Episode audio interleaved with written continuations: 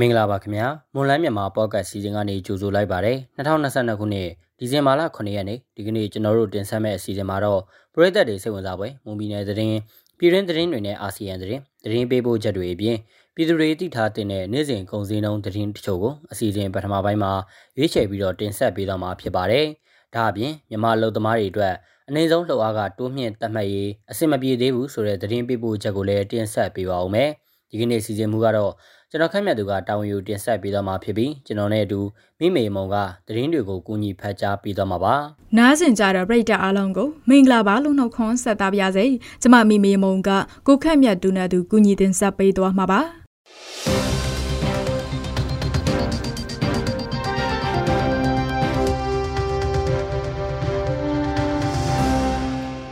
ရန်ကုန်မော်လမြိုင်ညပိုင်းပြေးဆွဲတဲ့ညရထားကိုဒီကနေ့ပြန်လည်ပြေးဆွဲသွားမယ်လို့သိရပါဗျ။ကိုဗစ်ဖြစ်ပွားပြီးတဲ့နောက်အဲ့ဒီညရထားခရီးစဉ်ကိုယာယီရနာထားတာဖြစ်ပြီးရထားစီးနှင်းသူတွေများလာတဲ့အတွက်ပြန်လည်ပြေးဆွဲဖို့စီစဉ်နေတာလို့မြမမီရထားကထုတ်ပြန်ထားပါတယ်။မော်လမြိုင်လမ်းကျောမှာရထားစီးနှင်းသူများလာပြီးတဲ့နောက်ရန်ကုန်မော်လမြိုင်အစံရထားရန်ကုန်မော်လမြိုင်နဲ့အစုံရထားမော်လမြိုင်ရန်ကုန်ခရီးစဉ်ကိုပြေးဆွဲပေးသွားမှာလို့သိရပါတယ်။အဲ့ဒီရထားရန်ကုန်မော်လမြိုင်ဓာတ်ရိုက်စီးနှင်းကြမဲ့ခရီးသည်တွေအတွက်ရည်ရွယ်ထားတာဖြစ်တယ်လို့လည်းဆိုပါတယ်။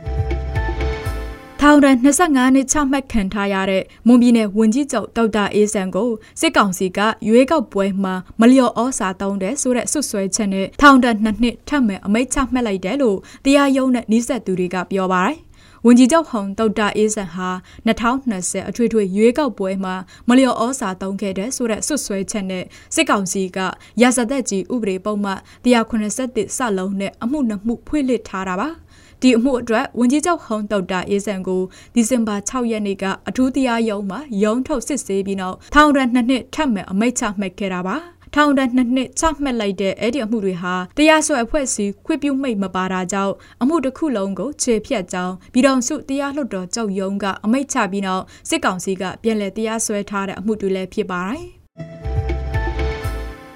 ရှမ်းပြည်နယ်မြောက်ပိုင်းကိုကန့်ကိုပိုင်အုပ်ချုပ်ခွင့်ရဒေသလောက်ကင်ဒေသမှာစစ်ကောင်စီတပ်နဲ့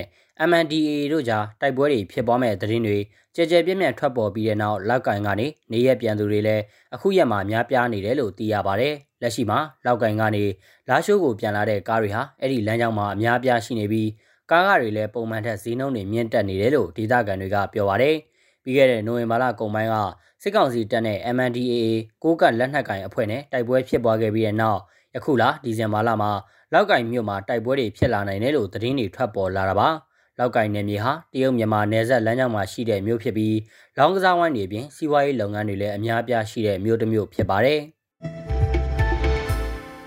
ရခိုင်ပြည်နယ်မှာအပြက်ခတ်ရက်စဲပြီးနောက်စစ်ကောင်စီတပ်ကကုန်းလန်ရေလန်းတွေကိုပြန်ဖွင့်ပေးပေမဲ့စေဝါတည်ယူပို့ဆောင်ခွင့်ကိုဆက်လက်ပိတ်ပင်ထားတယ်လို့စဲကော်မတီတွေကပြောပါတယ်။ပြည်내အတွင်းတင်တွင်းခွင့်ကိုပိတ်ပင်ထားတဲ့အပြင်ဒေသအတွင်းတည်ယူခွင့်ကိုပါပိတ်ပင်ထားတယ်လို့စဲကော်မတီပိုင်ရှင်တို့ကပြောပါတယ်။ ဒါကြောင့်မြို့နယ်ဈေးရုံတွေတိုက်နယ်ဈေးရုံတွေဈေးကန်းနဲ့ဈေးဆိုင်တွေမှာစေဝါပြက်လက်နေတယ်လို့သူကပြောပါတယ်။ရခိုင်ပြည်နယ်မှာစစ်ကောင်စီတပ်နဲ့ရခိုင်တပ်မတော် AA တို့ဟာနိုဝင်ဘာလနောက်ဆုံးအပတ်မှာယာယီပြက်ခတ်ရက်စဲခဲ့ကြတာပါ။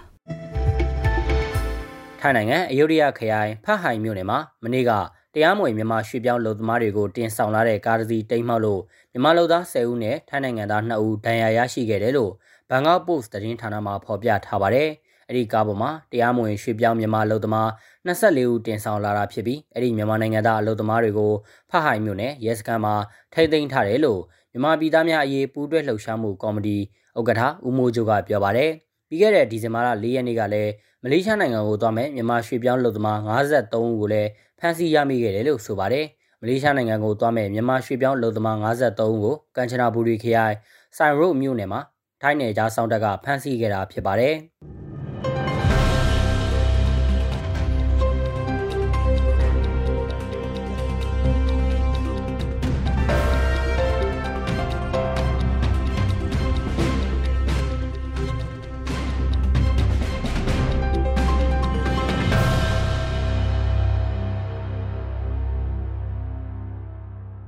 ဆက်လက်ပြီးတော့ပြည်သူတွေသိထားတဲ့နေ့စဉ်ကုန်စည်နှုန်းသတင်းတချို့ကိုမော်လမြိုင်ကုန်စည်တန်းကအချက်လက်တွေကိုခြေခံပြီးကျွန်တော်ခက်မြတ်သူကတင်ဆက်ပေးပါအောင်မယ်။ဒီကနေ့ထိုင်းနဲ့မြန်မာငွေလဲနှုန်းကတော့ထိုင်းဘတ်88.85ဝယ်ဈေးရှိပြီးရောင်းဈေးကတော့81.29ရှိနေပါတယ်။ဒေါ်လာဈေးကတော့အအမေရိကန်ဒေါ်လာကိုဝယ်ဈေးမြန်မာငွေ2810ရှိပြီးရောင်းဈေးကတော့2835ကျပ်ရှိပါတယ်။ရွှေဈေးနှုန်းကတော့မီလင်း16ပဲဒီဂျက်သားကိုရန်ကုန်ရွှေအသင်းဒီကနေ့ဈေးကွက်မှာ 20သိန်း8600ရှိနေပြီးအပြင်ပေါက်ဈေး26သိန်းအထက်မှာရှိနေပါတယ်။73စီဈေးတွေကတော့ဒီဇယ်1လီတာကို2315ကျပ်အောက်တိန်92တလီတာကို1960နဲ့95တလီတာကို2060အထိရှိနေပါတယ်။ဆန်စည်းနှုန်းကတော့အကောင်းစားပေါ်ဆန်းမွေးအမြင့်ဆုံးကို6100ကျပ်အလဲလက်တန်းဆန်မျိုးစားပေါ်ကျွဲတဲ့အနှိမ်ဆုံးကို9100ကျပ်နဲ့အမထဆန်တွေကတော့အနှိမ်ဆုံးကို4300နဲ့အမြင့်ဆုံးကို4500ကျပ်အထိရှိနေပါတယ်။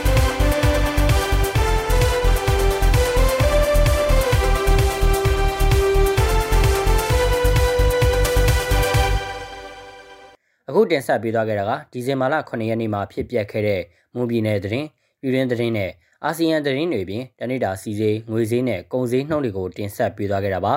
ဆက်လက်ပြီးတော့မြန်မာလူသမားတွေအတွက်အနိုင်ဆုံးလှုပ်အားကတိုးမြင့်တတ်မှတ်ရေးအဆင်မပြေသေးဘူးဆိုတဲ့သတင်းပေးပို့ချက်ကိုစတောင်းတစ္ဆာကတင်ဆက်ပေးပါအောင်မယ်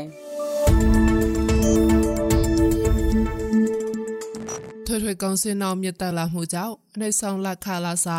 တရက်4800ကျပ်ကို8000ကျပ်ထိတိုးပေးဖို့စမှုဆောင်လက်သမားတွေကတောင်းဆိုနေပေမဲ့မြန်မာလက်သမားရေးဌာနဘက်ကတော့ဒီကိစ္စကိုသူတို့အနေနဲ့လက်ငင်းဆောင်ပြပေးဖို့အစီအစဉ်မရှိသေးကြောင်းပြောပါတယ်စီဘွေးကောင်ဆောင်မလက်ပတ်တဲ့တော့လက်စာတိုးပေးဖို့ဆိုတာကြီးမားတဲ့ဆိုင်ခေါ်မှုဖြစ်နေတယ်လို့အလို့သမားရေးဌာနရဲ့အမြဲတမ်းအတွင်းဝန်ဦးညိုဝင်းကပြောပါတယ်ဘယ်အခြေခံဖွဲ့စည်းရဘယ်မျိုးနယ်ဖွဲ့စည်းရပြောလိုက်လို့8000တို့9000တို့ပြောလို့အဲ ဒီလို ကျနော်တို့ ဆောင်ရွက်သွားမှာ မဟုတ်ပါဘူး ပြောချင်တာ။လက်ရှိလည်း ဒီဥစ္စာကို ဆောင်ရွက်ဖို့ အခြေအနေ မရှိသေးဘူး။ကျနော်တို့နိုင်ငံတော်ဝန်ကြီးချုပ်ကိုယ်တိုင် ပြောထားတာရှိတယ်။တိုင်းပြည်ရဲ့ စီးပွားရေးဟာ ကောင်းမွန်ဆောင်ရွက်ပြီးမှပဲ အစိုးရဝန်ထမ်းတွေ လစာတိုးဖို့တဖက်ကလည်း ပုဂ္ဂလိကကဏ္ဍမှာရှိတဲ့ အလုပ်သမားတွေရဲ့ အခြေခံလစာတွေကို မြှင့်တင်ပေးဖို့ဆိုပြီးတော့ ဒီလို ပြောထားတာ ရှိပါတယ်ဗျ။ပွင့်ပွင့်လင်းလင်း ပြောရရင် လက်ရှိ နိုင်ငံတော်အခြေအနေကစီးပွားရေးကောင်းအောင် လုပ်နေဆဲ ဒီအခြေအနေပဲရှိတယ်။ဒါကြောင့် လတ်တလောမှာ မူလသတ်မှတ်ထားတဲ့နှုန်းကနေ နောက်နှုန်းတခုကို ကျနော်တို့ ပြောင်းဖို့ တိုးတက်ဖို့ဆိုတာ ကျနော်တို့ အရမ်းကြီးမားတဲ့ စိန်ခေါ်မှု ဖြစ်ပါတယ်။စီးပွားရေးတိုးတက်လာမယ့်အချိန်ကို မှန်းဆပြီးလက်တလောမှာလောက်ခလာစာကိစ္စကို ဆွေးနွေးနေခြင်းပဲဖြစ်တယ်လို့ သူကပြောပါတယ်။အထက်ချောက်အဲ့6လုပ်ငန်းတွေမှာကောင်းမှာတွေ ကျဆင်းနေတယ်လို့တက်မှာလဲဒေါ်လာငွေလက်လက်နှောင်းကြောက်ကောင်းကျန်းစေးတက်တာနဲ့ ကြုံနေရတယ်လို့ အမြဲတမ်းအတွင်ဝန် ဦးညိုဝင်းက ပြောပါတယ်။ အနိုင်ဆောင်လောက်ခလဆာတမှတ်ချက်ကိုတရက်တာလောက်ချန်၈နာရီတော့4800ကျပ်ဖြစ်2018ခုနှစ်မှာ NLD ဆိုရကပြောင်းလဲတမှတ်ခဲ့တာပါအခုစစ်ကောင်စီလက်ထက်မှာတော့ထွေထွေကောင်စီနှောင်တွေအစမတန်တက်လာတယ်လို့ကမ္ဘာစီးပွားအကျက်တဲကိုလည်းရင်ဆိုင်နေရတာကြောင့်ရင်ဆိုင်နေရတာကြောင့်အလောက်သမားတွေကလက်စာတိုးပေးဖို့တောင်းဆိုလာကြပါတယ်။ တရက်လောက်ခ4800ကျပ်ကနေတိုးပေးဖို့တော့လဲစက်ရောင်တွင်စံသားပြတောင်းဆိုမှုတွေလည်းများပြားရှိနေတာပါနမကြီးအဒီတာဖက်နက်တွေ6ပေးနေတဲ့မြန်မာပုံချင်းကဆက်ရောက်မှာတရက်လောက်ခကို8000ကျပ်တိုးတောင်းတဲ့အတွက်အလောက်သမား26ယောက်အလောက်ထောက်ခံထားရပါတယ်လက်ရှိမှာသူတို့အားလုံးကအလောက်သမားညွန်ကြားရေးဦးစီးဌာနမှာအမှုရင်ဆိုင်နေရတာပါသူတို့အလောက်ပြန်ခပေးဖို့အဒီတဲ့လုပ်ငန်းဘက်ကတောင်းဆိုထားပေမဲ့မြန်မာပုံချင်းဘက်ကတော့လက်မခံသေးပါဘူး အမှုရှင်ဆိုင်နေတဲ့မြန်မာပုံချင်းဆက်ရောင်ကအလုတ်သမားတို့ကခုလိုပြောပါတယ်ညီမတို့ဒီ ဝက်လည်း ပြန်ဝင်ဖို့ရာအတွက် ညီမတို့ကလည်း အစွမ်းကုန်ပြီး လုပ်ဆောင်နေတယ်။ပြီးတော့ Agritech ဘက်ကလည်း စုံစမ်းမှုတွေ လုပ်နေတဲ့အချိန်မှာလည်း သူတို့က Agritech ကို အရေးမလုပ် Agritech က လုပ်တဲ့ဟာကို Agritech ကို အရေးမလုပ်ဘူးဆိုတဲ့ ပုံစံမျိုးကို လုပ်နေတာပေါ့နော် ညီမတို့ကို။အဲဒါမျိုးတွေလည်း ဆက်ပြီးတော့ မလုပ်ဆောင်ဖို့နော်။ပြီးတော့ ညီမတို့ အလုပ်သမားတွေရေးအတွက် အလုပ်သမားဝန်ကြီးဌာနဘက်ကလည်း လုပ်ခလစာ တိုးပေးမယ်ဆိုတဲ့အတွက်လည်း အများကြီးမျှော်လင့်ထားပါတယ်လို့။” မြန်မာပေါင်းချိန်ဆက်ရောင်ကအလောက်သမားတွေအခွင့်အရေးချိုးဖောက်ခံနေရတာကိုနယူးယောက်တန်သတင်းစာကြီးကပြီးခဲ့တဲ့ရက်ပိုင်းထဲမှာရေးသားဖော်ပြခဲ့ပါတယ်။ကဘာဖလာမှာအကစားသမားတွေဝတ်တဲ့ဂျာစီအင်ဂျီကိုမြန်မာနိုင်ငံကအလုပ်သမားတွေကတရက်လောက်ခ2ဒေါ်လာကျော်လေးနဲ့6လောက်ပေးခဲ့တာလို့ရေးသားဖော်ပြခဲ့တာပါ။အထက်ကျောက်ဆက်ရောင်တွေမှာအလုပ်သမားခွေးရချိုးဖောက်ခံရတဲ့ကိစ္စတွေလည်းအများပြားဖြစ်ပေါ်နေပါတယ်။ ရန်ကုန်အင်းစိန်ဆောင်တောင်းကဆက်ရောက်ဟာအလုသမားတွေကိုပေးရမယ့်ကျွမ်းကျင်ကြေးကိုဖျက်တောက်ခဲ့ပါတယ်။ဒါကြောင့်နိုဝင်ဘာလထဲမှာအဲ့ဒီဆက်ရောက်ကအလုသမားတထောင်ကျော်ကဆန္ဒပြတောင်းဆိုခဲ့ကြတာပါ။တတနိုင်ငံလုံးကအထက်6လုပ်ငန်းတွေမှာလောက်ကင်နေတဲ့မြန်မာလောက်သားကအခုနှစ်အောက်တိုဘာလအကောင်ထိပ်၄သိန်းတောင်ကျော်ရှိပြီးနိုင်ငံသားက2600ကျော်ရှိတယ်လို့အစိုးရလက်သမားဌာနဘက်ကပြောပါရရှင်။ ကျမတို့ရဲ့မွန်လန်းမြန်မာပေါ့ကတ်အစီအစဉ်ဒီမှာတင်ပြီးဆုံးပါပြီ။နားဆင်ကြတဲ့ပရိသတ်အားလုံးကိုနောက်နေ့အစီအစဉ်တွေမှာဆက်လက်အားပေးကြပါအောင်လို့ဖိတ်ခေါ်ရင်းအစီအစဉ်ကိုအဆုံးသတ်ပါရစေ။အားလုံးကိုကျေးဇူးတင်ပါတယ်ရှင်။